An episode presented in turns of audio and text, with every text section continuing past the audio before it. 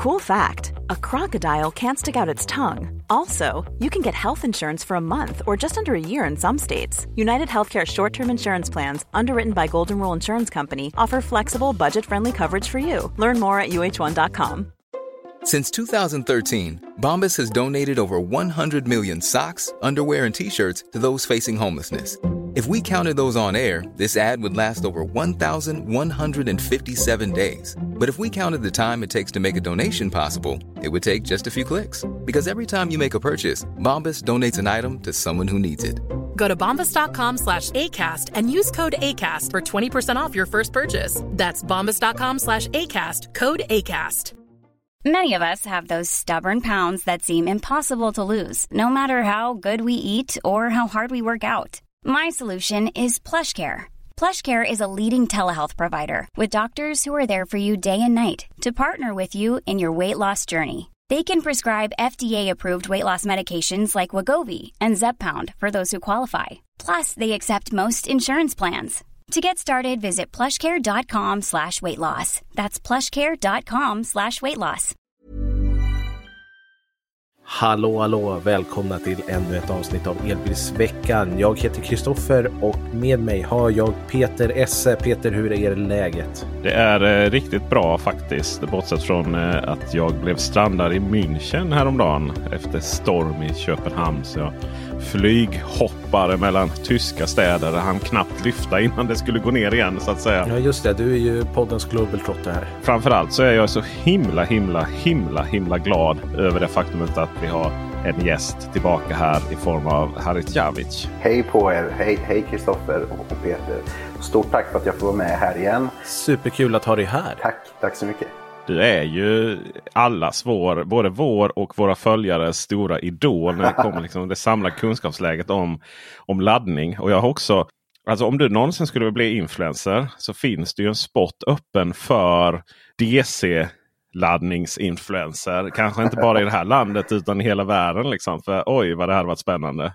Ja. Harit Javic recenserar laddare, DC-laddare. Liksom. Vi pratar om att det finns ju folk som recenserar hissar. Liksom, och det är klart att det kommer finnas öppning för att Harry springer runt och recenserar DC-laddare. Ja, stort tack för det. Det har jag nog aldrig hört innan. Men, tack för det Peter. Det värmer hjärtat. Ja, precis som ju DC-laddning ibland gör då ju. Ja. Och vi ska ju faktiskt prata om det. Värme och kyla idag. Precis. Eh, det ska vi göra. Vi, har, vi ska ta med oss lite grann av den datan som, som jag har. Och nu när det har blivit lite kallare årstid så, så ska vi prata om lite hur det påverkar bilarna och framförallt laddningshastigheten, laddningstiden där man Eh, få får stå då vid laddaren och, och, se, och vänta på att bilen ska bli klar. Så det, det, är ett spännande ämne. Men innan vi pratar om det så har vi lite andra punkter att ta eh, hand om. Vi har IF Metall som kallar till strejk hos Teslas verkstäder. Vi ska prata om det här med dina rättigheter som konsument och vad är det som gäller. Då har Peter grävt i Sikers avtal. Och Volvo gör någonting som de är ensamma i världen om. Och frågan är om de vet om det själva. Det är frågan. Peter har varit ute och kört Nio EL6 och sen så ska han kasta ännu lite mer skit på Volvo som man inte riktigt förstår sig på. Och sen har vi sett bilder på deras nya buss där som jag har åsikter om. Men det tar vi som sagt senare här. Vi ska börja med Tesla. Mm. Tesla har ju varit i luven på facket länge. Eller är det facket som varit i luven på Tesla? Och eh, när vi säger Tesla så menar vi då det här bolaget som heter TM Sweden AB. Som är då eh, Teslas svenska dotterbolag. Men eh, dessa, detta bolag vägrar att teckna kollektivavtal för sina verkstäder. Och det är ganska så unikt i sammanhanget. Just verkstad och industri och så vidare är ju traditionellt sett ganska starkt kollektivavtalsområde. Och det som händer nu är då att Tesla kan åka på en rejäl strejk här. Då är det många som tänker och tycker och kan vadå IF Metall bara säga stänga ett bolag så som Tesla om man inte gör som facket säger då. Det är ju så här att i Sverige så har vi ju något som är ganska unikt och det är ju att regler och, och lagar framförallt eller regler på arbetsmarknaden styrs ju och förhandlas fram av arbets marknadens parter. Det vill säga arbetsgivare och eh, medarbetare. Och medarbetare i form av facket. Då. Så det är facket och arbetsgivarorganisationen som avtalar om saker och ting, hur det ska funka. Så det är därför vi exempelvis inte har någon lagstiftning om minimilöner och sånt i Sverige. Utan det är någonting man förhandlar fram. Och för att det ska fungera så krävs det också då de här kollektivavtalen. För om det inte finns ett kollektivavtal så gäller ju inte heller det som, som man har kommit fram till. Då. Och då är det ju bra om eh, företagen är med då i, har kollektivavtal helt enkelt.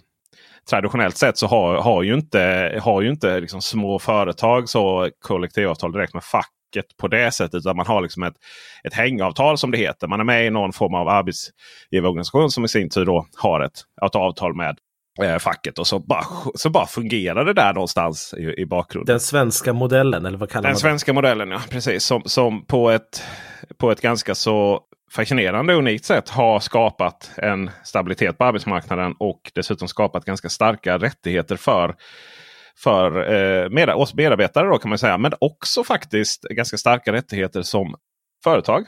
För det är nämligen så att när man har kollektivavtal, eh, kollektivavtal då råder så kallad eh, fredsplikt. Det vill säga jag som medarbetare.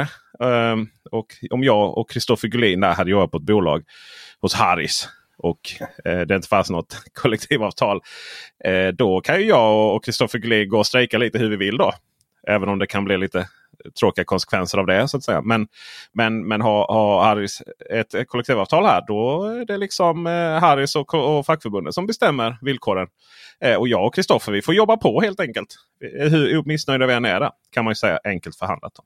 Men det som, det som händer nu är då att, att eh, man vill helt enkelt gå med eh, från Teslas håll. Och Eh, IF Metall kallar då till strejk. Och då undrar jag ju sådär, ja, men hur kan, kan IF Metall bara då säga att eh, nu ska alla strejka? Men nej, det kan man ju inte. De kan ju bara säga det till sina egna medlemmar. Då gäller det att, att göra det också, annars ska du då bli utsluten ur facket. Eh, kvar blir ju då de som jobbar på Tesla som inte är med i eh, fackförbund. Då. Men då finns det en annan så kallad stridsåtgärd som heter blockad. Och Det är också det som IF Metall har tagit till. då. Så att man har varslat om strejk och dessutom då även blockad.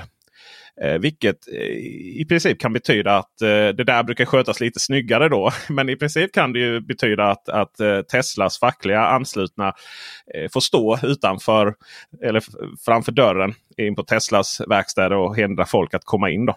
På så sätt eh, tvingas bolaget att ta hänsyn till den här strejken. Då. Tesla menar ju på att man behöver inte vara med i ett fackförbund för att eller man behöver inte ha något kollektivavtal för sina medarbetare är nöjda och glada ändå menar att man till och med kan ha bättre då, villkor för sina medarbetare. Och Det är också ett ganska klassiskt svar. Bland annat det körde Spotify med också. Men ett kollektivavtal liksom förbinder, det är inget som hindrar ett företag att ha bättre villkor för sina medarbetare än vad kollektivavtalet säger. Eh, däremot förhindrar det att ha sämre villkor. Och kollar vi på de här villkoren för Teslas eh, medarbetare på verkstäderna så är de betydligt sämre än vad kollektivavtalet säger. Framförallt så har de ju åkt på rätt så rejäla övertider. Förväntat jobba övertider då vid de här kvartalsleveranserna. När vi säger åh det är så imponerande att Tesla får ut så många bilar. Hur, hur lyckas de? Ja, det kanske är på grund av att vissa av deras medarbetare får jobba halvt ihjäl sig. Det var en intervju i, i tidningen ETC om eller ETC säger man väl numera, om en medarbetare som har, har gjort den eh, resan och haft de förväntningarna på sig. I samma ögonblick som, som den, han skaffade familj och så vidare så funkar det inte de här tiderna. Och eh, ja, Eh, då var det väl egentligen bara att sluta då. Och det blev ju också. Det är också därför Teslas verkstad har ganska ny, mycket ny personal hela tiden. Och det märks ju för oss slutkunder. Att det ibland kan vara lite oerfaret och processerna och rutinerna inte alltid fungerar. Så det är ganska stor personalomställning. Där har ni liksom nuläget. Eh, strejk och blockad går igång den 27 oktober om, om, om parterna då inte kommer komma överens.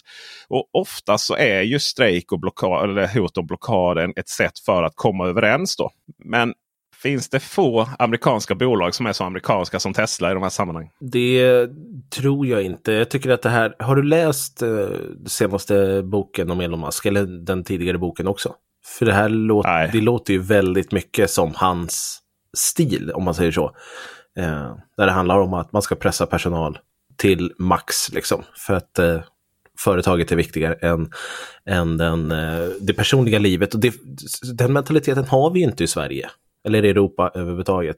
Och det funkar ju liksom inte här. Det kanske funkar i USA. Jag har ingen aning om hur arbetsmarknaden ser ut där. Men här värderar vi vårt privatliv. Man får ju hoppas att de eh, hittar en lösning på det här. Jag vet, jag har ju bara läst lite snabbt att det pågår liknande grejer med fackförbund i USA med de stora biltillverkarna också där det är mycket, mycket större skala än det vi ser här i, i Sverige. Då, mm, där har de ju börjat strejka. Ja, precis. Nej, som sagt, vi får hoppas på en lösning och att eh, inte Tesla-ägare i Sverige och eh, resten av världen blir alltför drabbade. Eh, ja, vi kan eh, läsa om eh, att det krävs inte en strejk för att bli så kallat drabbad av Tesla.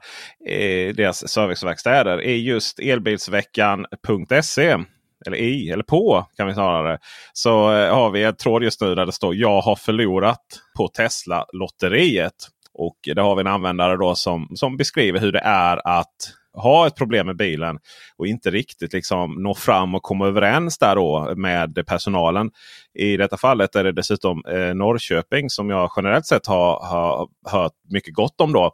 Eh, men här är det det här då att det är någonting som det anmäldes någonting och sen så var det något tillägg. Ja, det gick inte att lägga till då i anmälan i appen. utan och Det gick liksom inte heller att lägga till när du var där på besök och säga men kan ni kolla på detta? Va? Utan nej, då ska det till en ny, en ny, eh, ett nytt ärende. Och mycket sådär fyrkantigt. Och det är ju också ofta det, det är lite som i Apple-världen det där. Om, du, om, om det är inom Apples, och Teslas eh, strukturer och rutiner så går det jättesnabbt och jätteimponerande. Men går det utanför det så blir det ofta lite krångligt. Alltså jag kan känna igen mig i min roll som IT-support tidigare. Där, alltså vill du ha hjälp, då får du skicka ett mejl. Det, det, är så det funkar liksom. För att annars, annars går det inte att hålla kontroll. Så att du är det på en mycket mindre skala, men jag kan förstå strukturen också. Och att bara snacka lite över disk så här, det, det funkar funkar inte alltid. Det måste liksom in i ett system. Men du kan uppdatera ditt ärende. Det är ju klassiskt IT att du kan ju ändå uppdatera ärenden. Det verkar man inte kunna här. Många företag eh, kör med att eh, det är bättre att skicka tre mejl om tre olika saker så att det blir tre olika tickets. Så att säga. Det är inte undra på att man hatar sin IT-support å andra sidan. Förutom din support. Jag är helt övertygad om att eh, konsult... Eh, nej, men, men, alltså, blir det inte lite så här? Det blir väldigt stolpigt men det, det, det finns ju också ett system bakom som liksom hela, hela allting faller ju om vi ska bara rycka lite på axlarna. Alltså jag vet inte alls hur det är i verkstadsvärlden så men det måste ju finnas någonting skriftligt som beskriver ett problem. Jo men absolut så, så är det ju. Ja, men visst är det så. Det, man kan ju säga så att det här med kommunikation och så. När det oftast eh, ska hanteras olika klagomål och så. Så är det ju extremt viktigt att du har koll på ditt system och att du faktiskt har en slags återkoppling med kunden. Att kunden vet hela tiden vad som pågår och vad som händer. För att inte kunden ska tappa tålamod. För att det går ganska snabbt idag. Och det, jag pratar generellt nu oavsett varumärke så tror jag att kunderna förväntar sig idag, om du lägger in ett ärende på något slags klagomål, en, en slags reklamation då, så vill man ju ha en återkoppling eh, ganska så snabbt och man, man mm. blir ganska insatt i ärendet för att liksom känna sig nöjd. Även om problemet kanske inte löses så vill man ju ha en kontinuerlig återkoppling från den man kommunicerar med. Absolut. Just det ärenden som tas upp här så är det ju någonstans att ja, det är klart det ska vara strukturerad ordning och reda. Men om man, om man har lite strul med mejlen så kan man ju anmäla det och så kan det lösas lite och så kan man använda webbmailen så länge. Liksom. Men här handlar det ändå om att lämna in en bil på service och att det är helt omöjligt att lägga till information på den serviceordern. Det vet jag inte om jag har mött i någon annan bilvärld direkt. Jag, jag vet inte vad Teslas rutiner är så jag ska inte svara. Äh, rutinerna är sådana att du måste, så fort det är någonting nytt så måste du skapa ett nytt ärende. Eh, och det går in och liksom inte att kombinera riktigt. Eh, jag minns eh, på, jag kan ta en liten anekdot när jag lämnade in min Volvo V70. Då var det åt andra hållet faktiskt. Så då var, hade inte jag så mycket strul. Men jag lämnade in min Volvo V70 till Bilia och eh, skulle göra någonting då. Om det var någon eh, laga någonting. Och så kom jag och skulle hämta bilen och satte mig i bilen och så såg jag att det saknades eh, någon sån här foder. var inte påsatt på insidan då. Eh, gick tillbaka in och eh, sa att det är något som saknas. Eller det har hänt någonting här. Han lämnar sitt, eh, han lämnar sitt eh, skrivbord där och går ut, kollar på bilen. Tar fram handen, ger mig nycklarna. Han sätter sig i bilen, kör som en värsta folkracing in, in i garaget. Och eh, säger ett välvalda ord till, till den här teknikern som hade monterat ihop bilen. då. Eh, och sen så går han tillbaka till mig och sa vänta fem minuter så kommer bilen. Och så var det löst så att säga. I Tesla-världen så hade, hade det varit, och detta har jag erfarenhet av bekanta, i Tesla-världen om någonting missat un, under servicen. Eh, då eh, blir det inga sådana rutiner utan då får du då skapa ett ärende i appen och komma tillbaka senare. Jag kan väl tycka att den där biliga historien kanske inte låter som världens bästa arbetsplats heller. Alla gör misstag. Liksom. Ja, i, i den traditionella verkstadsvärlden så är det ju så att eh, de som tar emot liksom, de olika ärendena de får ju skapa flera olika, gör. när, man, när du ringer eller mejlar så om du ska kanske ha ett, ett bromsbyte och du ska ha en, en service och så ska du kanske ha också uppdatering på ditt infotainmentsystem och så ska du samtidigt byta däck så blir det ju lite olika jobb på det här. Man får ju se, liksom separera jobben på 1, 2, 3 beroende på att ofta så är det kanske olika betalare. Du har en betalare för serviceavtalet. Du har en betalare för uppdatering av din infotainment som då är generalagenten eller tillverkaren. Och sen har du kanske en tredje, tredje ärende där du kanske får betala själv då för det här däckbytet. Så där är det ju extremt viktigt att du liksom gör rätt och att det här blir rätt återkoppling mot kund i förhållande till det du pratade innan om Tesla Peter. Det, det är ju mycket riktigt så det gäller att hålla isär det. Men som mig som kund så uppskattar jag ju verkligen när saker och ting bara sker automatiskt och samtidigt. Då. Precis. Eh, jag hade en skada på bilen. man tapp, när man tappar sin kamera in ner i instrumentpanelen. Det blir inte så bra alltid kan jag säga. Eh, så då eh, så felanmälde jag det som ett försäkringsärende och så skulle det tas hand om hos, eh, hos Tovex bil i Lund. Och eh, väl bilen inlämnad där så först och främst så uppstod då situationen att den som skulle byta ut den panelen var eh, sjuk. Och då ringde då verkstadschefen och, och berättade detta och det var inga bekymmer så att säga. För min del eller för det. Och det kommer inte göra någonting åt. Sen när jag hämtade bilen då så sa de ja vi såg att det var. Eh, vi, jag gick förbi här och såg att det var fuktig eh, eh, LED, LED, vad heter det? LED-bryggan, vad heter det? LED-listen där bak. Ni vet Audi E-tron har ju en sån jätte så vi bytte ut den också. då. Och, detta gör, och så informerar de detta gör vi en gång då på så kallad goodwill. Och eh, en andra gång då får man betala det själv. Eh, vilket i sig är en intressant diskussion. För att eh, ordet goodwill har jag lite åsikter om. Men eh, där var ju, det såg jag som en superservice. Och de kombinerar detta liksom i ett och samma ärende. Då. Nog att eh, eh fakturan till Eh, jag fick betala självrisken. Fakturan för resten då gick till försäkringsbolaget. Och fakturan för att byta ledrampen vad jag skulle säga, gick till Audi. Eh, och jag som kund var mega nöjd och kan rekommendera Tovex bil i Lund för evigt. Liksom. Oavsett det så blir det eventuellt då större problem den 27 oktober. Då blir det inga service eller eh, någonting gjorda eh, via appen eller inte. För då går det alltså ut och strejka. Vi går vidare och eh, pratar om eh, rättigheter. Vi ska prata om eh, vad gäller egentligen om man köper på distans? För Jag fick ju fråga om Sikes avtal från en som inte var så nöjd. Vad gäller egentligen? För han var lite osäker om man skulle ha bilen. Och då fick han reda på att eh, det går att beställa men då kostar det då. Man får en, man får en straffavgift helt enkelt. Och, och Harris, är det inte, helt, är det inte så att eh, man inom bilindustrin har ett eh, ganska centraliserat avtal där man har kommit överens mellan eh, MTR, heter de det? Det har ju varit MRF tidigare men de har ju bytt namn. De heter väl M idag va? alltså Motormännens riksförbund oftast, ja, som har tagit fram de här standardiserade avtalen för vad som ska gälla då vid vissa, eh, där man har en eventuell tvist då till exempel med avbeställning. Just just det. Så det finns ju ganska standardiserade avtal då att till exempel att eh, om en bil kostar över x antal prisbelopp så måste du betala 15% vid avbeställning. Grejen med Seeker är ju att de säljer inte bilar över disk. De säljer ju bara bilar över distans. Och därmed så gäller alltid distansköplagen. Och distansköplagen oavsett om du köper en bil eller en mobiltelefon eller en jag vet inte, någon plastbit på Amazon. Så är det alltid 14 dagars ångerrätt. För att du ska kunna få hem din bil eller plast, plastplupp och testa. Och är du inte nöjd så är det bara att lämna tillbaka. Utan några som helst konsekvenser. Sådana som eh, visst, eh, visst avdrag om du har råkat repa bilen eller vad det nu kan vara. Eh, det, kan, det gäller inte heller vid väldigt specifika beställningar. Alltså väldigt specialbeställningar. Du kan vi inte anklaga Siker för att ha många specialbeställningar. Det är inte mycket, mycket grejer vi kan välja där ju. Och det är inte heller så att det är liksom orimliga saker. Bara för att du har monterat dit en dragkrok så blir det inte en specialbeställning. Utan 14 dagars ångerrätt gäller. Och då är det faktiskt så att du har Siker i sitt avtal så har de då eh, helt och fullt då med alla de här skyldigheterna man har som konsument om du avbeställer. Och till och med utan att du liksom, alltså långt innan du har fått bilen då så avbeställer du den ordern så åker du på de här straffavgifterna. Men om du istället ångrar din order så åker du inte på några straffavgifter överhuvudtaget. Då, för då gäller ångerrätten. Och ångerrätten gäller inte. Det är inte bara så att det är inte så att du måste leverera bilen och sen är det 14 dagar. Utan ångerrätten gäller även innan. Så att säga. Eh, och där kan jag tycka att det blir lite, det blir lite oärligt när man som bolag har en, några paragrafer som skapar en kostnad för kunden om kunden råkar säga ordet avbeställa. Men om kunden istället säger ångra, då blir det inga kostnader. Jag kan tycka att det är inte det bästa för kunden i detta fallet. Apropå dålig kundservice så blir det ju väldigt märkligt då. Det blir ju det. Och då blir det liksom som att kundservice gärna... För det hade ju fått då den här att ja, nej, men då, det kan, det kan liksom kosta då om du avbeställer din order. Eh, istället då för att säga ja, det är inga problem. Det får du enligt, eh, enligt ångerrätten. Då.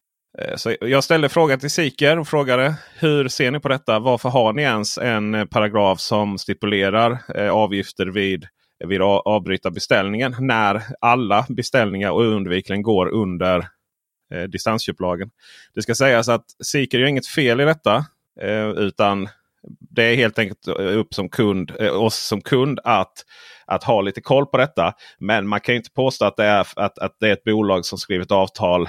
Finns ingenting som kunden vinner på på den otydligheten. Vad har vi för straffavgift då Peter om kunden istället för att säga att man ångrar sitt köp säger att man avbeställer sitt köp? Vad är då skillnaden rent ekonomiskt för eh, de, eh, Det där var också lite otydligt. Det var kan tillkomma och det var mycket beroende på sådär. Så det var lite avtalat lite enhetligt för Siker då.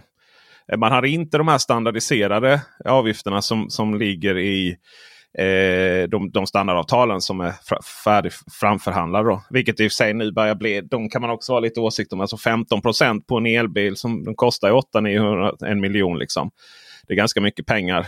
Eh, sådär, så att, ja, Vi får väl se hur det där artar sig då. Men det, distansköplagen eh, blir också lite speciell när det kommer till stora bilar jämfört med att köpa en mobiltelefon kan jag ju tycka. Jag vet inte om, om det är optimalt att ha den för det, rent teoretiskt sett skulle du kunna beställa massvis med olika bilar, köra dem i 13 dagar och sen lämna tillbaka dem. Hur gör Volvo, Polestar, Tesla som också säljer liksom online? Ja. Skiljer det sig mot Seeker? Ja det gör det. För Volvo pratar inte så mycket om eh, liksom avbryta köp då, utan man är väldigt tydlig med vad som gäller med ångerrätten. Då, enligt distansköplagen. Men Volvo har gjort en generalmiss här kan man ju säga. För det, Volvo har lyckats som kanske enda bolag till världen att inte informera om att det inte gäller företag. För Det är väldigt viktigt. Som företagsköpare så har man ju egentligen inga rättigheter i de här sammanhangen överhuvudtaget. Utan då, är det ju, då är det ju de här eh, avbrytarköpen som gäller istället. Då. Volvo har ju sitt avtal för Care by Volvo. Så har de skrivit det lite annorlunda än övriga. För att eh, Siker och sådär de, är exempelvis, de skriver i avtalstexten att det här gäller inte företag, det gäller bara privatpersoner. Men Volvo har inte det någonstans under sin paragraf om ångerrätt. Enligt 14 dagars distans, distansköplag. Det står ingenting om företag där. Men längre ner sen, långt ner, då står det särskilda villkor för företag. Och där har man då skrivit att paragraf 5.5 den gäller inte företag.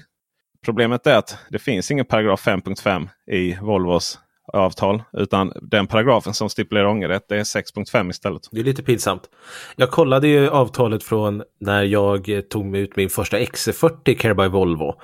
Eh, det var i februari 2022 vill jag säga. Då är ju 5.5 rätt som de hänvisar till. Men om avtalet för min EX30 som jag har beställt här nu då är det ju fel. För då är det ju punkt, avtal, eh, då är det ju punkt 6.5 istället. Så att de har ju bytt, de har ju ändrat villkoren där eh, under tiden och missat det här. Det är lite slarvigt. Men komiskt. Precis, de, de, har, de har säkert liksom, du vet, skjutit in en ny paragraf så har det bara hoppat ett. Eh, och så. Och det här är ju, det är ju det är också lite av en icke-fråga. För att eh, hur ofta händer det att du som företagare vill ångra din beställning inom 14 dagar och, och någonstans försöka hävda den här paragrafen. Då. Och då ska du dessutom hävda det mot en armé av jurister från Volvo Cars Corporation. Ja, jag tror inte att man skulle vinna den striden. Men eh, nu vet ni Volvo, kan ni ändra ert avtal? Grejen är att Volvo vet ju detta för jag informerade. Jag, jag, det var inte så mycket fråga utan det var mer så här, som ett courtesy så mejlade jag till Volvos svenska press, eh, presskontakt och sa att här har nog blivit lite fel. Och Detta var alltså flera veckor sedan och de har fortfarande inte ändrat det.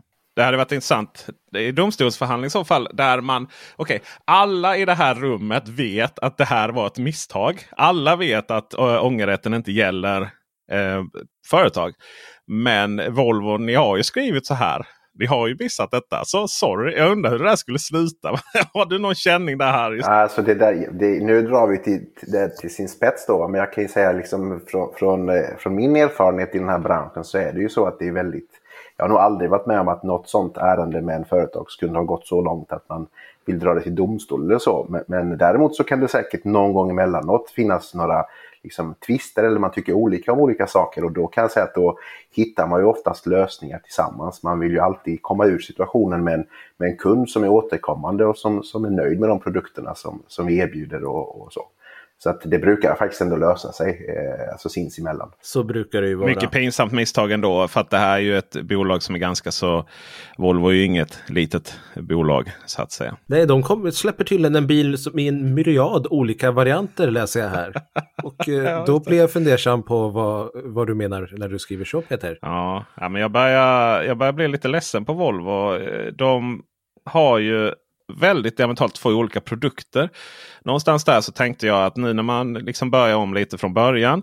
Så med EX30 och EX90 och dess efterföljare. Nya rena elbilar på elbilsplattformar och så vidare. Då tänkte jag att man kanske ska liksom strömlinjeforma saker och ting. Det ska vara inte samma upplevelse totalt sett om du köper en EX30 eller en EX90. Det hade varit lite tokigt att säga. Vad ska du ha en EX90 till?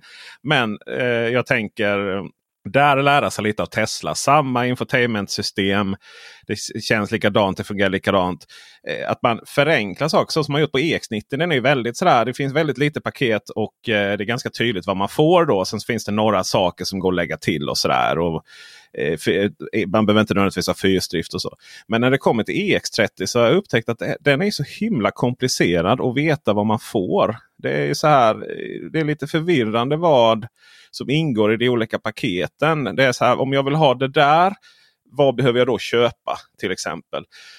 Eh, vilket paket behöver jag ha? Och vi har ju tidigare rätt ut då i vilket paket som egentligen Pilot Assist ingår i. För det står ju inte ens på webbsidan. Det är en av de viktigaste funktionerna på en bil kan jag tycka. Och det står inte ens i vilket paket det ingår i. Och det kommer vi fram till att det är ju Plus och Ultra, men inte den lilla. Sen har vi det här med den mobila upplevelsen. Det här med eh, mobila nyckeln då. Vi inte ska ha några, ja, vi ska slippa ha den här lilla pluppen i fickan. Eh, och, och, det är ju en upplevelse som säkert kommer fungera jättebra på EX30 på Plus och eh, Ultra. Men på Core-varianten så har den inte den här Ultra Wideband sensorerna. Det står väl? Det står ja, eh, å andra ja. sidan. Men det blir ganska ogreppbart för kunden att förstå vad det innebär i upplevelsen. Det vill säga att eh, du, kommer få öppna, du kommer få öppna upp bilen med appen istället för att du bara kommer nära den. och sådär. Och, och, jag kände, jag säger inte att Volvo gör något fel här. Jag bara säger att, att om man hade en chans att vara det här bilmärket som gör snygga härliga premiumbilar. Eh, men samtidigt få en ganska enkel och strömlinjeformad köpupplevelse där kunden vet vad man får. Det är inte så komplicerat att köpa bilen.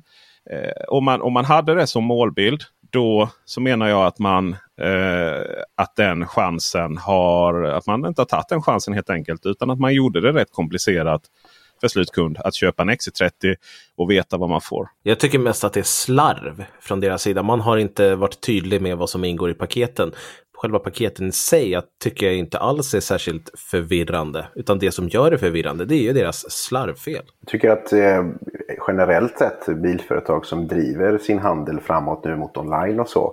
Där handlar det mycket om att förenkla, att man, man kanske inte behöver ha så mycket val egentligen. Och det är ju, bottnar ju att man behöver kanske till och med anpassa produktionen av fordonen till att kunna vara mer online-anpassade mot tidigare. Så att det är, jag tror att det är någonting som hela branschen behöver ta till sig framåt när man ska driva försäljningen till online. Håller du med fullständigt? Ja, och jag också håller med. Och, och jag säger som du, ja precis, alltså det är ju där, det är där jag menar att Volvo hade chansen att vara lite snabb, mer snabbfotad åt det hållet. Och sen har du ju väldigt rätt i det Kristoffer att eh, det kanske inte görs, skillnaderna kanske inte gör så mycket. Men just presentationen av dem gör ju hela gör, Det är ju där den stora skillnaden ligger. Även om jag tycker liksom att det här med mobil nyckel känns som en sån grej som borde vara självklart på alla bilar. Eh, att det funkar likadant liksom, beroende på vilket paket. Det, det, det, andra är det här liksom att jag också känner att systemmässigt då. Det känns som att vi kommer komma till en punkt där eh, vissa appar eh, kommer att finnas på EX90 och vissa kommer att finnas på EX30. Helt olika system. Vad baserar du det på? Jag baserar det på att det är olika system. I, i bilarna, eller tänker du liksom i mittenskärmen eller vad? I mittenskärmen, ja precis. Du tänker att det är olika plattformar Peter som gör att du har inte samma... Det är ju, precis, det är olika plattformar och, och eh, man har visst att båda är Android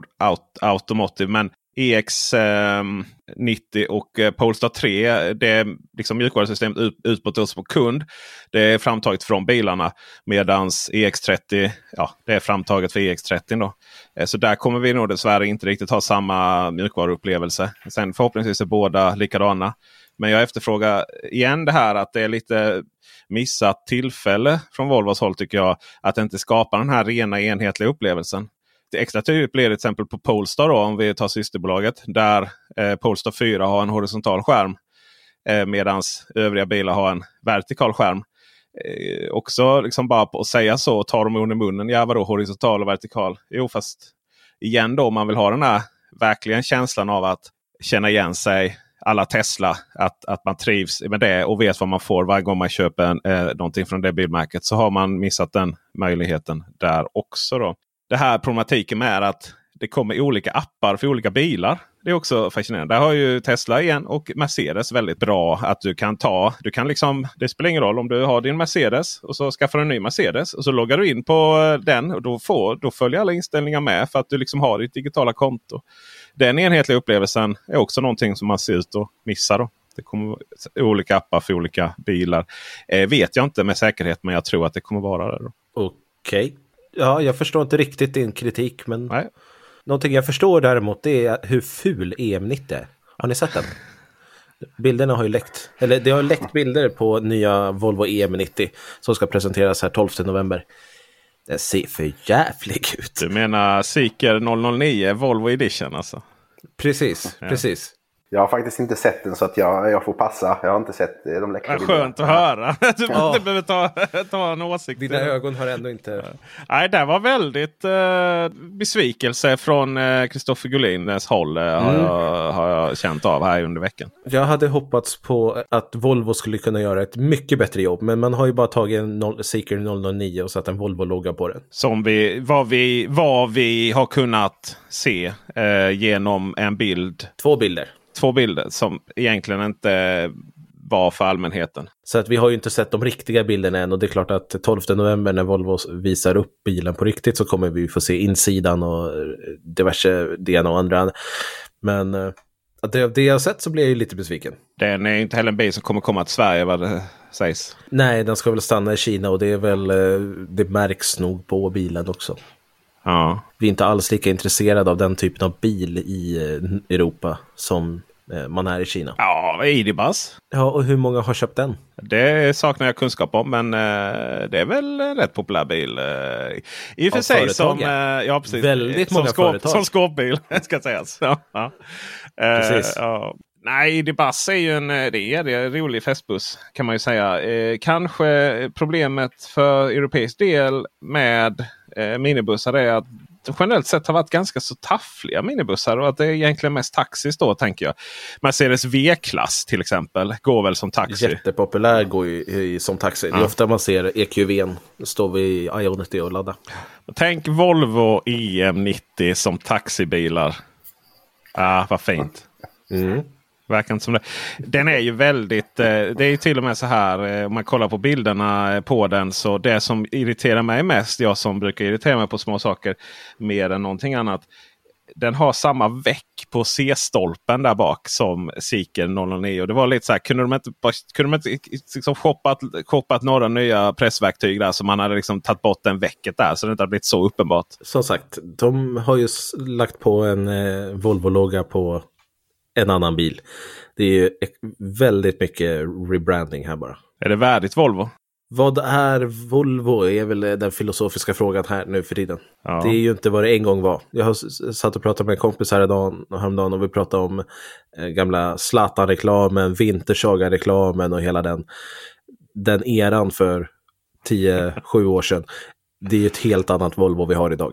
Ja, så är det. De ingår i en stor koncern där man är en gren av en stor liksom, en stor koncern där man ska liksom ha, ett, ha sitt, sin positionering i marknaden så att säga. Så det är väl ett nytt Volvo som växer fram. Som inte är lika Norden-fokuserat som det har varit tidigare tror jag. Jag, jag, känner att jag vill så gärna liksom spela djävulens advokat här nu. Men jag, jag hittar inte riktigt vad, hur, på vilket sätt jag ska göra det på. Finns det någon, om vi tillsammans försöker hitta någon ljus här i, i det här nordiska mörkret för Volvo. Vad har vi framför oss som Okej, okay, att EX90 är försenad och av oklar anledning. Att det skulle vara LiDAR-problem bara är ju med stor sannolikhet inte hela bilden. Vi har EX30 som ju någonstans, bortsett från att jag tycker att man hade kunnat eh, ha vissa andra strategier när det kommer till paket och, och annat. Den kommer ju börja leverera nu. Sådär.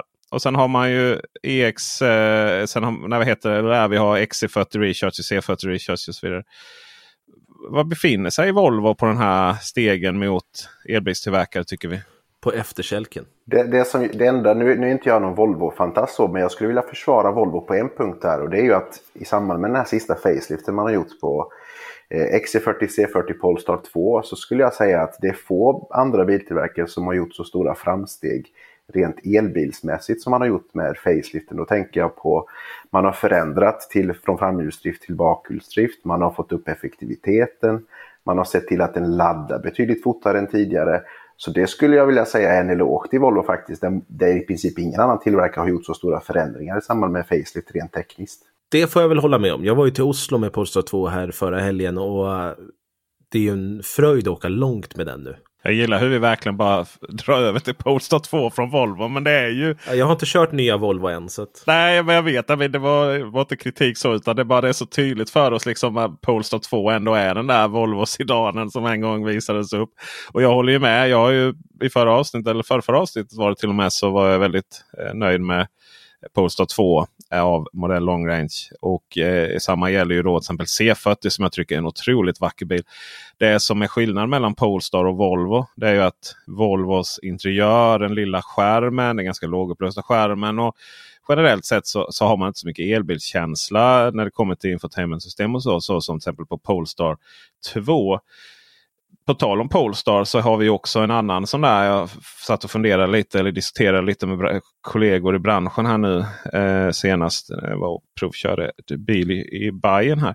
Och dessa Polestar, vad är Polestar egentligen? Man har ju Polestar 2 som ju uppenbarligen inte klarar att vara liksom en grund för en sunda ekonomiska finanser för det bolaget. då. Man har en liten skuld till Volvo på eh, byggda bilar och så. Det går inte så jättebra. Eh, även om det kan så att säga vara enligt plan och, och losa pengar för att bygga upp någonting. Men sen så har vi då Polestar 3 som ju är en ganska stor och tung SUV och som inte heller kommer att kunna levereras egentligen. Men om den hade levererats nu så hade det kunnat vara rätt bra. Men en stor och tung SUV. Den är just tyngd och SUVar är ju inte det spottigaste man känner generellt sett. Det finns ju mer spottigare bilar än stora, stora tunga SUVar. Just också att den är, är, extra tung för sin storlek. Då, vilket ju den plattformen är. Då. Det lär väl aldrig komma fler bilar på SBA2-plattformen. Hiring for your small business? If you're not looking for professionals on LinkedIn, you're looking in the wrong place. That's like looking for your car keys in a fish tank. LinkedIn helps you hire professionals you can't find anywhere else, even those who aren't actively searching for a new job but might be open to the perfect role. In a given month, over 70% of LinkedIn users don't even visit other leading job sites. So start looking in the right place. With LinkedIn, you can hire professionals like a professional. Post your free job on linkedin.com slash people today. Hey, Dave. Yeah, Randy. Since we founded Bombus, we've always said our socks, underwear, and T-shirts are super soft. Any new ideas? Maybe sublimely soft. Or disgustingly cozy. Wait, what? I got it. Bombas. Absurdly comfortable essentials for yourself and for those facing homelessness. Because one purchased equals one donated. Wow, did we just write an ad? Yes. Bombas. Big comfort for everyone. Go to bombas.com slash ACAST and use code ACAST for 20% off your first purchase. This is the story of the one. As a maintenance engineer, he hears things differently to the untrained ear, everything on his shop floor might sound fine, but he can hear gears grinding or a belt slipping. So he steps in to fix the problem at hand before it gets out of hand And he knows Granger's got the right product he needs to get the job done, which is music to his ears. Call, clickgranger.com, or just stop by. Granger, for the ones who get it done. Okej, men vad har vi då? Då har vi Polestar 4 som verkar vara någon slags kinesiskt projekt. Som man inte ens har visat upp för svensk del. Man vet inte riktigt var man har den bilen. Och Det är väldigt radikalt att inte ha en eh, bakruta på bilar i svensk del. Det tror jag. Jag tror att det kan vara en utmaning eh, med mycket annat. Vi vet ju inte vad den kommer kosta och sådär också. Så eh, okej, okay, men vad är då Polestar? Om då är det ju 5 och 6 naturligtvis. Vilka häftiga bilar va? Vem vill inte ha en sån? Nej, jag håller med. Det som jag har sagt många gånger tidigare. Polestar kommer inte bli Polestar förrän de får vi har kommit till 5 och 6 där de får börja blomma ut. Just nu så är det bara Volvo Legacy som de försöker ta sig fram på. Ja, så är det Men grejen är att de har byggt upp en organisation som är lite större än två stycken fantastiskt fina sportbilar. Ja, de är väl knappast ensamma att bygga upp en jätteorganisation kring två, eh, två tre bilar. Ja, de är inte heller ensamma om alltså att, att det bränner pengar. Men jag, tänker liksom, jag går liksom och tänker på det här Post of Space här i Malmö. För övrigt mycket trevlig personal. Mycket hjälpsamma, mycket trevliga. All eloge till dem. Det upplever jag snarare med alla de här eh, spaces och showrooms och så. När det är ett showroom då är det liksom folk som vill visa bilen, inte sälja ja, bilen. Nej, precis så är det. Nej, men det är strålande. De var jättebra personal. Där på gågatan i Malmö får verkligen visa upp Polestar för allmänheten. Och det är klart, det står stycken, en Polestar 2 där och så står en Polestar 3 där.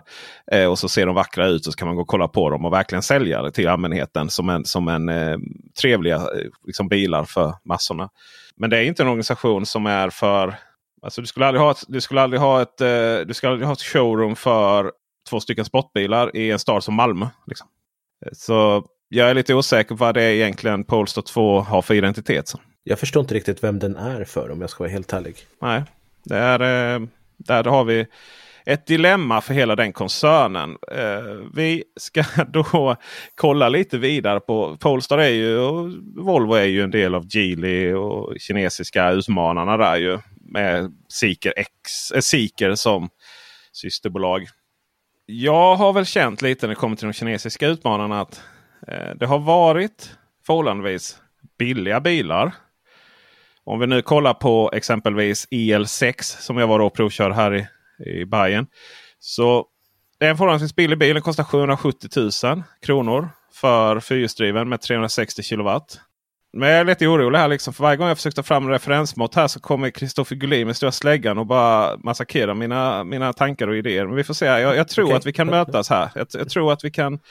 Jag, ex, jag har jobbat extra mycket för att hitta en referensbil här nu. Okay. BMW iX X-Drive 40 har lika stort batteri är ren EBS-plattform. Ungefär lika stor klass. Eh, okay. 876 000. Eh, jag skulle inte säga att... Ja, nej, eh, jag skulle nog inte lägga nio på den nivån. Eh, jag tycker att BMW har en sjukt mycket bättre interiör. jag, jag vet inte om jag tycker iX är så himla ombonad. Det typ... Men okej. Okay, det... Jättetrevliga stolar. Men, ja, ja, men det är de i EL6 också. Ja. Mm. Jag har inte, jag har inte suttit i den. EL6 är ju, ska ju sägas att EL6 är ju Ja, men vi gillar inte samma stolar dessutom. Så det är ganska, jag ska säga EL6, detta är ju fullutrustad. Eh, eh BMW iX är ju grunden då. Det finns rätt mycket jävla utrustningar du kan lägga till på den för att komma upp i en miljon. Det jag vill dock eh, nämna då är att bilen har 70 kWh batteri och den har en eh, motoreffekt på 240 kW jämfört med ELs eh, 360. Nej men absolut, jag, jag håller med om att det, det är konkurrenter. Det är ingen tvekan om saken. Så att där har man ju priset med sig då. Eh, var väl lite det jag ville argumentera för. Seeker 001. En annan bil som är väldigt pris, eh, aggressivt prissatt. 757 000. Men det är ju en kombi, det inte en SUV. Nej, eh, men eh, tesen är att kinesiska bilar är aggressivt prissatt. Vill jag etablera här. Okay. Och det tänker ja. att vi alla är överens om att den är ganska så aggressivt prissatt. Vi har ju pratat om många gånger. Absolut. Den har ju luftfjädring dessutom. Dessutom, ja precis. Också fullutrustad där för det. Näst, ja, nästan. Eh, Xpen G9 från 700 000. Dock bakhjulsdriven på 230 kW ska sägas. Eh, men också väldigt bra utrustning. Det här är ju bilar som är, eh, de är prisvärda får man ju säga då. Appar och övriga digitala upplevelser är i klass med Tesla och stundsatt bättre. Du har ju liksom den här fulla upplevelsen. Du kan göra precis vad du vill med appen egentligen. Som är, eh, vad du kan göra med bilar och appar. Eh, det går snabbt och inga väntetider som det är på vissa andra biltillverkare. Eh, vi har dog mode, vi har camping mode, vi har allt det där. Liksom vi, ja, i eh, IL6 fall så har du dessutom eh, helt elektronisk bagage, eh, vad heter det, eh, dragkrok. Alltså du kan dra in och ut den eh, via systemet. Oftast brukar de vara semiautomatiska. Ingår, ingår dragkroken där också? Nej det gör den inte. Eh, 12 okay. papp eller sådär, 13. Eh, ja. 2040-20 säten. Det var, det, var, det var ett tag sedan vi såg den möjligheten att fälla säten på det sättet. Ja, men det är nice. Ja, verkligen. Det är nice. Eh, mycket utrymme och fokus på baksätet på alla de här bilarna utan att exkludera framsätet. Eh, helt klart, jag ska säga det helt klart underskattat. Jag som åkte EL, EL7 då blev upphämtad på flygplatsen och åkte en timme sen. Det är helt klart under, underskattat att sätta sig i baksätet på en bil och själv och sen kunna kontrollera eh, ventilationen och massage och sånt där bak. Liksom. Det, det, det, finns en upplevelse där bak också som vi oftast inte testar. Mitt problem är väl snarare att baksätet ofta får mer utrymme och så blir bagaget mindre, inte just framsätet. Det. Är det så även här? Eh, nej, EL6, EL6 har alltså 7 liter större bagageutrymme än EL7. Mm. Eh, ja, och eh, de har... Ja, men det är inga konstigheter där faktiskt. Det, var, det är lite bättre lysning också. Så. Nej, det är en fantastiskt trevlig bil. Hur är, det, hur är det Peter om du köper den här med 75 kWh batteri och så säger ja. vi att du ska köra långt. Kan du då åka till en Nio eh, station och byta till ett, till ett 100 kWh batteri då? Eh, nej. Hur? Nej. Så då måste du byta till ett 75 då? Ja, precis. Ja, så har du köpt batteriet då kan du inte byta alls. Då kan du inte byta alls, då måste du ladda det. Just det. Men även om du så att säga, leasar, eller, okay. leasar eller så, så är det bara äh, samma. Eh, du kan inte byta. Däremot så om du köper bilen och hyr batteriet. Så eh, då kan du byta mellan månader då, säga upp avtalet och så vidare. Det, faktum var att då, vi, vi, vi, ställde denna frågan till dem och det är ju, det är ju mycket byråkratiska bekymmer med det här med. Eh, det är inte så att de inte vill ha det, att det inte ska gå att byta upp och ner och så vidare. Men det är både problem med försäkring, vem äger vad. Det är problem med finansiering, det är skatter i vissa länder. Det är mycket liksom, ni vet det är så här, eh, det är olika skatter på olika priser. Alltså ni vet, eh, bilen blir lite dyrare där temporärt om du har bytt upp till 100 och sånt. Så det är mycket sådana saker. Det som jag tycker är intressant då med det här det var ju att de svarar ju på alla de här frågorna så himla bra. Eh, I eh, Nio och även många andra kinesiska uppstickare. Jag, jag upplever dem som ganska eh, lyhörda och ganska snabbfotade. Eh, sådär. Vi ska komma till det, vad det innebär i praktiken strax. Så jag ska säga så att eh, om man tar Volkswagen-koncernen så upp, upplever jag också som väldigt eh, öppna och lyhörda så mycket man kan vara som är eh, världens näst största biltillverkare. Däremot så säger jag att menar jag att man kan inte säga, man kan inte anklaga dem för att vara så snabbfotade Volkswagen kanske. Så vad har då varit problemet med dessa bilar, de kinesiska utmaningarna? Det är inte så att de säljer så bra då, bortsett från de lite billigare MG och Byd och sånt. Det är ju att de har ju haft ADAS-system som är helt fruktansvärda. Körassistenter som inte... Som, alltså det är ju... Jag kallar den rattfull i bilen ett, en gång. Eh, och sen har du de här fruktansvärda pipen överallt för allting du gör. Och varningar och gud vet vad. liksom. Grejen då med EL6 det är ju att mycket av det här var korrigerat. Faktum är att den här den har bara ett pip. Från att egentligen vara så bra som bilars körassistans kan vara nu. Den har precis som Tesla att varje gång den gav och på så är det fortfarande så att det, det hörs ett ljud. Då. Men däremot så har man ju då sedan innan, det visste vi, ju, satt dit eh, snabbgenvägar för att stänga av det här ljudet om man råkar köra någon kilometer över hastighetsgränsen och så vidare. Och du Kristoffer Gullin var ju också ganska så hyfsat nöjd med ET5. Du märkte ju rätt stor skillnad på de bilarna, den bilen jämfört med tidigare. Absolut, den här nya mjukvaran som de har fått eh, in i de nya bilarna och som kommer till de äldre också. De gör ju underverk faktiskt med, med ADA-systemen. Ja. Det är en uppdatering som Nio verkligen var i behov av. Jag skulle säga att Nio går att rekommendera nu baserat på liksom mjukvarumässigt. Ja, och då kommer vi lite till min poäng här. Förhållandevis prisvärda bilar. Bättre app och digitala upplevelser. Mycket utrymme bak fram. Även i, på dessa bilar, EL6. Eh, och ET5 är ju dessutom det är en av de få kombibilarna vi har i det här landet på el. Ju.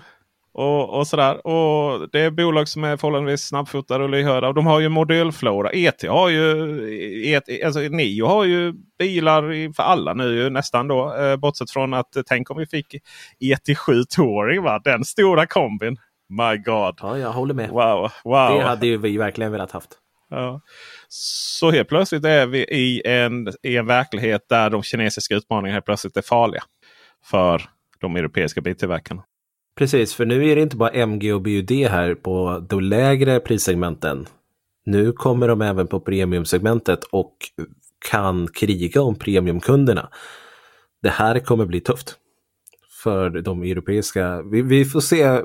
Det är många nyheter som ska komma här nu eh, slutet på året och början på nästa år. Eh, men eh, det, det, jag skulle inte vilja vara Volkswagen nu eller BMW eller eh, annat eh, tyskt eh, europeiskt märke. Det är väldigt intressant eh, det här med premiumsegmentet att eh, andra tillverkare kliver in och så. Frågan är ju då vad krävs det för att övervinna då oftast det är ju ofta tjänstebilskunden då som, som är och väljer i de här lite högre prissegmenten. Vad krävs att man ska liksom välja någonting annat som förhållandevis fortfarande är okänt till något som är kanske ganska nytt som man inte kan ha någon liksom, riktig referenspunkt på.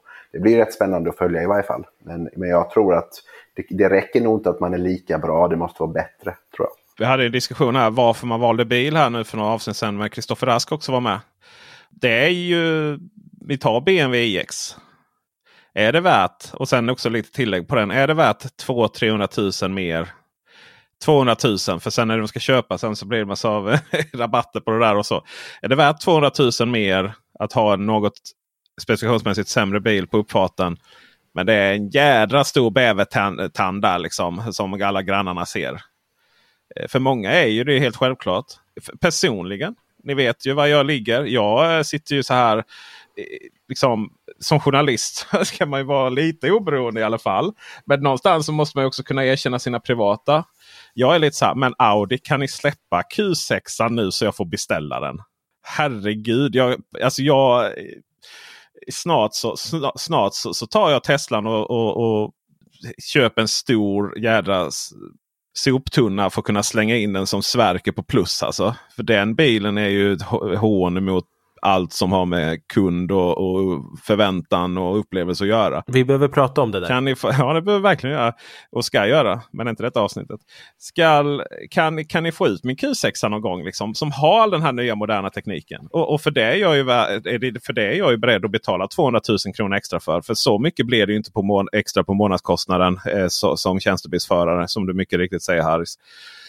Så, så det som kineserna förut hade problem med. Att, eh, dels att eh, du inte riktigt har varumärkeskännedomen. Alltså att du är som ett eh, ICA Basic eh, chips på hyllan när det finns i Strella. Så, så, och sen också då att de inte gick att äta så att säga. De knappt gick att köra med de här dåliga ADA-systemen.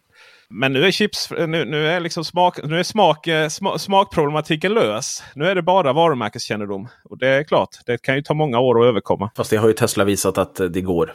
Så att det är nog inte helt omöjligt.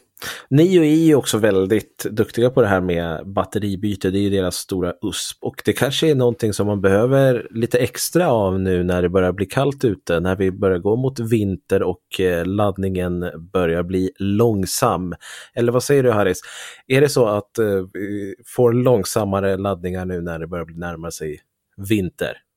Ja, men, men så är det ju. Eh, det här är ju liksom ett, ett, ämne som jag har fördjupat mig lite grann i eh, redan egentligen förra säsongen. Och detta är ju andra säsongen som jag går in med laddstationen där vi ser mycket liknande data då som jag hade eh, även förra året.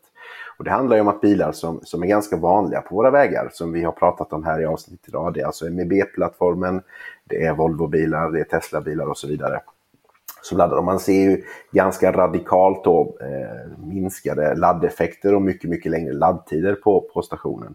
Eh, och här är, finns ju flera liksom, aspekter i det här. Men man kan ju, om man backar bandet lite grann, så generellt sett med laddningshastigheter och så, om vi, om vi tittar så långt bak som 2015 när vi presenterade en bil på Frankfurtmässan som då hette Porsche Mission E som idag är mer känd som Taycan.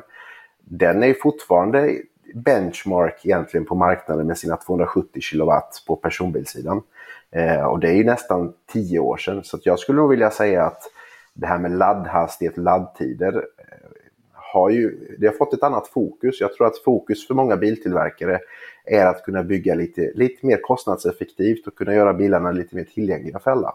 Därför har man inte prioriterat eh, laddhastighet kanske på, på de sista plattformarna som är släppta. Behöver vi kunna ladda snabbare? Alltså jag tror framförallt så är det så här att de, de annonserade laddtiderna som många biltillverkare har är fullt tillräckliga om man kan uppnå dem året runt. Och här är vi ju lite här är vi ju lite i Sverige, vad ska man säga, vi har ju lite nackdelar här eftersom vi har ett ganska kallt, kallt väderlek, i alla fall sex månader om året. Det är oftast det som vi behöver ha koll på. Våra tillverkare behöver prioritera den här marknaden, framförallt den svenska och den norska marknaden där det går ut mycket elbilar. Där man kanske då är begränsad eh, halva delen av året. När märkte du nu i, i år att det började gå långsammare? Man kan säga så att det är ganska tydlig gräns där. När vi har en, en dagstemperatur under 15 plusgrader så händer det ganska radikala grejer. Så det är någonstans andra halvan september, början på oktober så, så händer det rätt så mycket. Det är ganska tidigt ändå, för man tänker ju att eh, ja, men det är ju när snön börjar komma eller när man börjar närma sig nollan liksom, som det kanske blir aktuellt. Men har du bilen, står du ute på uppfarten där eller du ligger och tuffar landsväg, motorväg, där batteriet egentligen inte behöver värmas sig själv så mycket, då är, då är det de där temperaturerna som det handlar om. Liksom. Ja, då kommer du ju till laddstationerna med 10-15 grader. Ja, och, och, många gånger så, så äh, räcker det oftast inte för att nå vettig laddhastighet. Utan du behöver ha kanske 25-30 grader i batteripacket. Och sen är det här, det här med beteende och människor är jätteintressant. Jag vet att det har varit lite diskussioner kring det på elbilsveckan på forumet där. Och där vill jag bara liksom bekräfta att många som kanske köper sin första elbil har ju det här som vi pratade om, räckviddsångest och man har det här beteende att man vill, man vill köra eco-driving så mycket som möjligt och det blir liksom någon slags sport. Och det gör ju att det här, när vi har kallt ute, det här förvärras ju egentligen. Då vi har så lite, då har vi ingen värmespill som man kan använda i batteriet för ett senare tillfälle när man ska ladda. Så alla de här grejerna gör ju att det faktiskt eh, förvärras. Nu, nu, nu, skulle jag säga att jag, jag främjar ju eco-driving och det är ju liksom ett sätt att köra säkert i trafiken också. Men just i det här caset när man kanske har lite rätt, räckviddsångest, man åker in redan vid 25-30 procent, när man har kört väldigt lugnt, landsväg, man följer med trafiken, kanske ligger i, i vinddraget på något, ja men då blir förbrukningen väldigt låg och därmed också värmespillet, alltså värmeförlusten i batteriet också väldigt låg. För det är väl det man, man jag tror många inte förstår korrelansen här. Vi säger att vad är det som, för man säger så här, men vi ska värma upp batteriet då, då ska köra som en galning i princip. Ja? Och varför ska man göra det? Jo, för att någonstans så är det ju så att eh, batterier eh, har eh, levererar en, en effekt till motorn. Och har motorn, säg Volkswagen ID7, 220 kilowatt va? Stämmer säkert om man lägger plattan i, i mattan där vet du, då eh, kommer det ju också motorn kunna leverera det då och så får batteriet skicka det. Ju. Och 220 kilowatt. Det är rätt hög värmeutveckling. Men Precis. Det blir inga 220 kilowatt när du sitter där och, och, och, och kör upp till elmacken i Gislaved på Nissanstigen. Eller ja, jag inte så mycket stig längre. Vad heter Nissanvägen? Eller vad heter, vad heter det där upp från Halmstad upp till... Riksväg 26 är det officiella namnet. Okej, okay, riksväg 26. När man ligger ja. där liksom och, och taktar med sina, jag vet inte, eh, strax under 2 kilowatt per mil. Att det blir inte mycket värmeutveckling då med tanke på att den ska klara så mycket mer. Liksom. Jag tror det var vi bilägare här nu som hade testat eh, hur mycket effekt som det gick åt när man låg och bara cruisade på motorväg och de pratade om så här 70-75 kilowatt eh, för en Ionic 5 vill jag minnas att det var. Och 75 kilowatt är ju inte jättemycket. Det låter nästan högt skulle jag säga Kristoffer. Jag skulle säga så här för att bibehålla om du har hyfsat vindstilla och plan så skulle jag inte jag skulle inte jag uppskattar att det kanske krävs någonstans 30 till 40 kilowatt kontinuerlig effekt för att hålla 120. Ja, jag, jag, ska inte ärligt säga att jag vet eh, hur deras testmetodik var eh, så. Men det är ju inga 200-300 kilowatt som motorerna Nej. ligger på. För det är ju där, du får, det är där du får din kilowattimmar ifrån. Liksom den här ja. effekten. Eh, hur vad, vad du gjort på en timme liksom. Sådär. Eh, ja. Så nej, där får man ju. Eh, då finns det ju bättre sätt att eh, förvärma batteri kan man ju tycka i de flesta fall. Ju. Ja, och där skulle man egentligen för, för svensk marknad eller för nordisk klimat i varje fall så skulle man ju nästan haft som, som, som krav att du har en, en, eh, som kund en styrning på det här. Att man kanske har en 10 kW dedikerad batterivärmare Så att man kan köra den en halvtimme och förbruka då visst 5 kWh extra på den tiden. Men då kan man säkerställa att du kommer med ett batteripaket som är minst 25 grader varmt eh, även vintertid. Och då skulle det här problemet försvinna. Och framförallt då göra hela elbilsägandet mer eh, bättre upplevelse vintertid när man, när man behöver ladda sin bil i, annat, i annan miljö än hemma eller på jobbet. Eh, men nu är det ju allt, det är ju i princip väldigt få bilar som har en sån möjlighet att du kan själv styra över. Utan oftast har man ju då de bilar som har det, har man byggt in i navigationssystem eller infotainmentsystem som gör att det är mer eller mindre krångligt beroende på vilken bil det är. Ehm, så att där finns ju väldigt mycket att jobba på skulle jag säga. Det eh, är någonting jag verkligen vill understryka också. Och många elbilar är ju också så dumma rent ut sagt. Att eh, du måste navigera till en specifik eh, laddstation för att den ska förvärma. Jag vet min Ford Mustang som jag hade tidigare, den förvärmde bara om jag navigerade till Ionity. Jag vet inte hur det är nu, om de har uppdaterat det, men tidigare när jag eh, hämtade ut den, då var det liksom att om jag navigerar till Ionity, ja men då förvärms batteriet. Men om jag navigerar till något annat nätverk eller någon annan laddare, nej då vart det ingen förvärmning. Och det är ju helt hål i huvudet i min mening. Ja, jag tror det stämmer Kristoffer. Jag såg så, sent, så sent som igår då en, en uh, Mac E med det stora batteriet och låg på en hastighet på ungefär 60 60-70 kilowatt då på, på det stora batteriet. Och det är klart att med ett så stort batteri, det, det, det är ju liksom laddtider som börjar närma sig timmen för en normal mm. laddning till 80 procent. Ja. Eh, där, där finns ju saker att göra. Och det, i, det, i, mitt, i, alltså, min mening är ju att man behöver lyfta den här diskussionen. Det är egentligen bara mjukvara för att många bil, av bilarna som rullar på våra vägar har ju den här möjligheten. Men däremot har man då krånglat till det lite.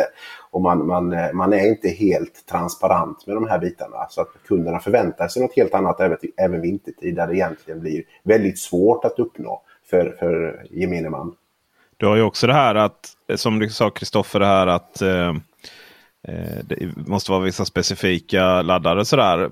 Om jag kollar på min egen Tesla till exempel. Om jag skulle navigera och förvärma till eh, ja, men Harrys eh, elmacken här i Gislaved. Så då om jag trycker upp den i navigatorn så vet inte Tesla när det ens är en laddplats. Utan det är liksom en, en affärsrörelse som vilken som helst. Eh, och om min eh, Tesla med sitt LFP-batteri standard range inte färvar upp det batteriet. Jag är ju, jag är ju under 50 kilowatt. Liksom. Precis, jag, ja, ja, så är det ju. Jag har ju diskussion med Tesla. Jag tror jag har haft diskussion med Tesla i, i snart ett år på lite olika sätt. Eh, och jag har fått kontakt med dem sista tiden så det är positivt. Men, men vi är inte riktigt i hamn än att, att man ska då känna igen till exempel min station då som en, som en laddplats så att man ska kunna aktivera förvärmningen så att de Tesla-bilarna som faktiskt är relativt många som laddar hos mig eh, ska kunna få en bättre upplevelse. Det är ju många nätverk som fortfarande inte finns i Tesla och Kia och Hyundai och alltså många andra också. Jag tycker att det är synd att man är så selektiv eh, med vilka laddare man bygger in i sina eh, navigationssystem. Att man inte bara bygger in alla, alla. För jag vet BMW, de är också så här nitiska. Eh, de har bara de som är kopplade till BMW Charging eller vad det heter det, det, det är så oanvändarvänligt. Det som jag kan bara lägga till där Kristoffer, det är att faktum är när man pratar med Tesla-folket som har med supercharging att göra så är det, deras inställning och uppfattning är att de är precis så som, som du säger, de vill ju lägga till så många nätverk som möjligt och deras ambition är självklart både små och stora operatörer ska finnas med för att liksom Tesla-åkandet ska bli den bästa möjliga upplevelsen. Så den, den, själva inställningen så tror jag inte är något fel på men sen finns det väl andra saker i bakgrunden som gör att de inte får, får till det riktigt ändå. Men, men eh, vi lever på hoppet. Vi lever på Så hoppet. Mm. Men vad innebär det för dig? Vi vet ju nu att eh, vad det innebär för elbilsägare när de inte kan förvärma sina batterier. Det går långsamt att ladda helt enkelt. Och vi har ju tagit upp det faktumet att Volkswagen MEB-bilarna, inga av dem kommer att få förvärmning. Och det är väl där ett av de största problemen ligger i då den stora massiva flottan ID4 här. Och det är helt enkelt så att det kommer ta lång tid att ladda. Man får helt enkelt eh, shoppa loss där lite på eh, Willys i Gislaved där då. Medan eh, det pågår och kanske ta en hamburgare. Om, är hamburgarstället kvar där bredvid eller? Ja absolut. Ja. Hotbox Burgers ja, är, hotbox. är, kvar och kränger burgare där. Tipset är att ta dubbla. Ja, eh, goda med små. Exakt. Ja. Men vad innebär det för dig som laddplatsägare ur hänseendet eh, egentligen dels att när du bygger laddplatser så tänker du så här. Okej, okay, men det går långsammare nästan sex månader per år. Ska jag bygga för den problematiken? Det vill säga att jag behöver fler laddsatelliter bara för liksom att det ska räcka. Eh, eller bygger du för sommaren och sen så får det vara lite extra köer på vintern.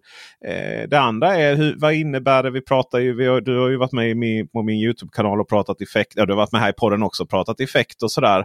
Effektavgifter framförallt. Vad innebär du den hänseendet? Är det till och med bättre med lägre effekt? Jag tänkte samma sak. Ja, alltså, exakt. Och där är nästa grej liksom, för oss i vårt perspektiv som en operatör då, som ska drifta en sån här station. Och då, då kan man ju säga så här att vintertid tid då så är det ju ännu viktigare för laddoperatören. För att målet som en laddoperatör har, eller liksom det som, det som eh, bringar lönsamhet i verksamheten, det är att du ska sälja så mycket energi du bara kan på under en viss månad eller ett kvartal eller så.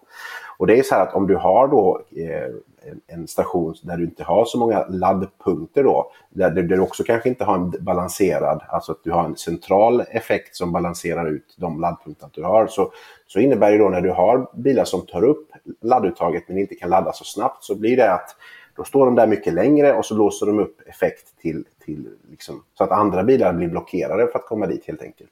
Och där är ju den här lösningen som Kempower har och så även eh, Tesla har en liknande lösning då, där man har en dynamisk kraftfördelning där man kan fördela om kraft till en bil som behöver det bättre. Så, så jag skulle säga så här att just att bilar laddar långsammare för oss, eh, när du har en dynamisk balanserad lösning så är det inget jätteproblem för oss som, som operatör. Eh, man slår inte i taket på, totalt sett på stationen egentligen alls lika ofta på vintern, eh, knappt någon gång alls. Men, men däremot på sommaren gör man ju det. Eh, och då, då, då minskar ju effekten totalt sett på alla bilar som är där. Eh, men jag, jag skulle nog säga att, att där behöver man ju på just för laddoperatörens liksom perspektiv så är det ju att effektavgifterna minskar ju när det här sker. Eh, du har lite, lite mindre effekt totalt sett och så har du lite mindre eh, eftersom du snurrar bilarna lite långsammare också då egentligen för att de står lite längre och laddar långsammare. Eh, så det är väl egentligen min, min take på det som, som operatör då. Du eh, borde ju helt enkelt som side hustle ställa upp en kaffevagn där ju. Ja, Jag hör precis. ju det. Ja, ja, det är både exakt. kyla och eh, tid att bränna så att säga. Ja. Kan, jag kan bara liksom snabbt också utifrån just laddtekniskt så kan man säga så att de flesta laddare faktiskt mår bättre vintertid rent kylmässigt. De får bättre kyleffekt till, till likriktarna. Och kablaget då, om du, man har passiva kablar som, som det är i mitt fall, alltså det vill säga att det är ingen vätska som, som passerar i kabeln, så har man också den fördelen att du har en bättre passiv kyla. Nackdelen som kan vara när du har aktiva kablar vintertid det är att det kan hända något med pump eller någonting annat med vätskan som cirkulerar. Det är ju eh, vanlig kylarvätska då som cirkulerar. Det, är att det kan bli något galet där och då kan man liksom få problem på vintern. Men just passiva kablar med, med eh, så, så mår egentligen bättre vintertid. Så att, eh, många gånger så, så kanske folk undrar men varför laddar min bil långsamt och så skyller man på laddaren. Men jag skulle säga vintertid så till 99% av fallen så är det ju eh, bilen där som, som är lite kall för stunden i, i praktiken innebär det ju nästan alltid att det står att det är bilens fel. Så att säga. Det är ju, uh, ja, ja, men oftast men, är det ju det. Nej, för det är ju som du visade där i vår video där. Så var ju att de har ju en maxtemperatur de där kablarna och sen börjar de ju trottla. Ju. Ja. Vad var den temperaturen? Och, och, då är det ju så här. Eh, den grejen har jag faktiskt lyft med Kempower. Vi får se om vi får någon förbättring där. Men som det är nu så visas inte till kund eh, några tröskelvärden för kabeltemperatur som i dagsläget på alla eh, Kempower-stationer är 80 grader.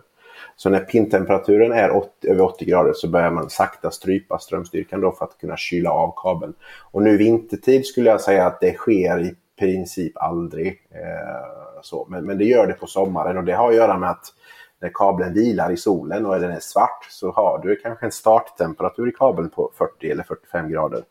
Och då när du trycker på med fullt med ström så, så kan du komma upp i 80 grader efter en 12-15 minuter ungefär och där, där börjar man strypa. Och då visar ju systemet charge limits får du som en, som en begränsning då. Men igen, i själva verket där, just i det här caset så är det ju kabeln som begränsar då. Pin-temperatur, alltså det är alltså på de fysiska... På de fysiska, man mäter, det finns två temperatursensorer då på de här två pinnar där du har där strömmen går in helt enkelt på minus och pluspolen nere vid eh, CCS-kontakter, de stora. Just det, den här extra hakan. Ja, så att säga. Där, där, är ju det är där det blir mest värme så att säga. Så där, det är där man mäter då. Så när man uppnår ett visst tröskelvärde så, så börjar man då bromsa. Men som sagt vintertid är det, ska det mycket till om det ska ske. Låt oss aldrig komma tillbaka hur det var i vintras. Jag minns då i Circle K, eh, Ollebo här, Majonity-laddarna. Det var ju billigare med LE-abonnemang eller vissa andra abonnemang och ladda hos. Det var rätt så mycket billigare också att ladda hos Ionity än vad det var att ladda hemma här i elområde 4 i vintras. Och Vi pratar ju köer som inte är värdigt. Eh, vi pratar enorma köer och samtidigt då bilar som då laddade. För då var ju också det att man körde ju hemifrån. Precis. Som förvärrar hela den här problematiken. Så vi pratar ju att det var ju minusgrader på batterierna nästan. Ja. Eh, om inget annat så eh, kanske det blev när man fick stå där en halvtimme och vänta. Mm. Så det där är ju en, det där är ju en jättestor nackdel med de, med de lösningarna som inte är satellitbaserade. Men om vi ska ta åt andra hållet. När det är väldigt varmt ute. Då kan ju satellitbaserade få andra problem just om de ska dela, eh, dela effekt mellan varandra. Och där skapar väl också värme. Det är väl framförallt Tesla-laddare som kan få lite problem på det hållet. Eller? Ja men så är det när, när du ligger och pressar ganska länge och när stationen är relativt full och hög beläggning över tid. Så är det så att du får en viss värme som man måste transportera bort. Och transporteras inte den bort tillräckligt snabbt så, så går man ner och stryper ungefär som så som jag beskrev på kablaget. Då. Man går ner och man stryper ner strömmen, strömstyrkan egentligen från likriktarna ut till, till kablaget. Eh, det är en problematik sommartid som kan uppstå. Eh, ett, ett, annat är ju att du har en, en ineffektivitet där du har, en, du har oftast en upplösning i det här systemet. Alltså du har en upplösning mellan likriktarna, hur många likriktare du dedikerar till, till respektive bil. Så om vi leker med tanken då att vi har en, en upplösning på 25 kW som det är i mitt fall så kan det ju vara så att du har en bil som behöver ha just 55 kW säger vi. Och då ockuperar du tre likriktare för att kunna leverera 55 kW. Och är det så att du har många bilar som har, som har så får du en viss, så låser du in ändå en viss effekt. Eh, för att du behöver liksom, du, kan, du måste ha minst det antalet likriktare som krävs för att du ska kunna leverera den effekten som behövs. Då. Och då kan det bli så att du kanske tycker att okej, okay, den här stationen ska kunna leverera mer. Men då är det kanske det att, det, att du hamnar i en viss obalans när du har eh, många. Framför, detta sker framförallt när det är många bilar på plats. Så att det blir väldigt tydligt till exempel på en Tesla-station där du har kanske 40 uttag. Där, där du låser in 20 kW. Det räcker att du låser in 15-20 kW per bil så blir det rätt mycket effekt totalt sett. Det kan man ju säga och, och där har du ju Frågan är vad som, eh, vad som ställer till det först på de stationerna. Eh, så kallad effektbrist då lokalt. Alltså det vill säga inte, inte, inte, inte effektbrist i, i nätet eh, in till det utan helt enkelt att Tesla de har inte köpt upp så att de ska kunna leverera mer än 40-50 kilowatt per satellit Eh, per uttag vid full beläggning. Då, så att säga, då spelar det ingen roll om det är värme eller inte. Det kommer ändå gå långsamt. Ja, så är det ju precis. Så det, där får jag väl passa på den just exakt. För att jag inte vet riktigt hur det är uppbyggt och vilken upplösning det har om kraften. Men, men det är som du säger Peter, att sommartid så är det ju egentligen alla de problemen som kan uppstå med långa laddtider, långsam laddning på sommartid är ju oftast på laddsidans, liksom där är det laddarens fel så att säga. Och på vintern så är det tvärtom. Där är det oftast då bilarnas fel. Vilken legendarisk sammanfattning. Väldigt bra sammanfattat och jag tror att det börjar bli dags att avsluta här. En snabb fråga bara. Hur ser framtiden ut för elmacken? Det här har vi ju nämnt ett par gånger. Ja, precis. Och, och där är vi väl eh, så pass att det finns, det finns, nu finns det liksom skarpa planer för att ha etablering 2 här igång under 24. Eh, nu väntar vi på en del eh, saker som ska falla på plats så att inom en månad eller två så kanske vi har mer att berätta där. Så då får vi i så fall komma tillbaka till det caset. Men men eh, det finns, eh, nu finns det konkreta planer på att eh, etablera en station till. Fantastiskt roligt att höra och jag ser fram emot att besöka den nya stationen när den väl finns tillgänglig för oss. Och i och med det så skulle jag vilja tacka för att du har varit med oss här idag. Otroligt spännande att få höra dig och din otroligt nördiga kunskap om laddning som är helt fantastisk. Eh, Peter och jag kan inte ens, inte ens i närheten av att matcha det. Eh, stort tack för att du var med. Tack för att jag fick vara med och nörda lite ihop med er. Det är alltid lika trevligt. Och har ni fler frågor till eh, Harris om laddning eller vad som helst annat egentligen så kan man gå in på elbilsveckan.se och ställa de frågorna för han hänger där tillsammans med Peter och mig också. Och eh, är det ett, eh, ni är sugna på att mejla till oss så kan man mejla till info.elbilsveckan.se. Jag vill också tacka Dennis Klarin för den här eh, redigeringen som blir lite stressad nu när vi spelar in söndag förmiddag här. Tack så mycket för att ni lyssnade så hörs vi nästa vecka. Hej på er!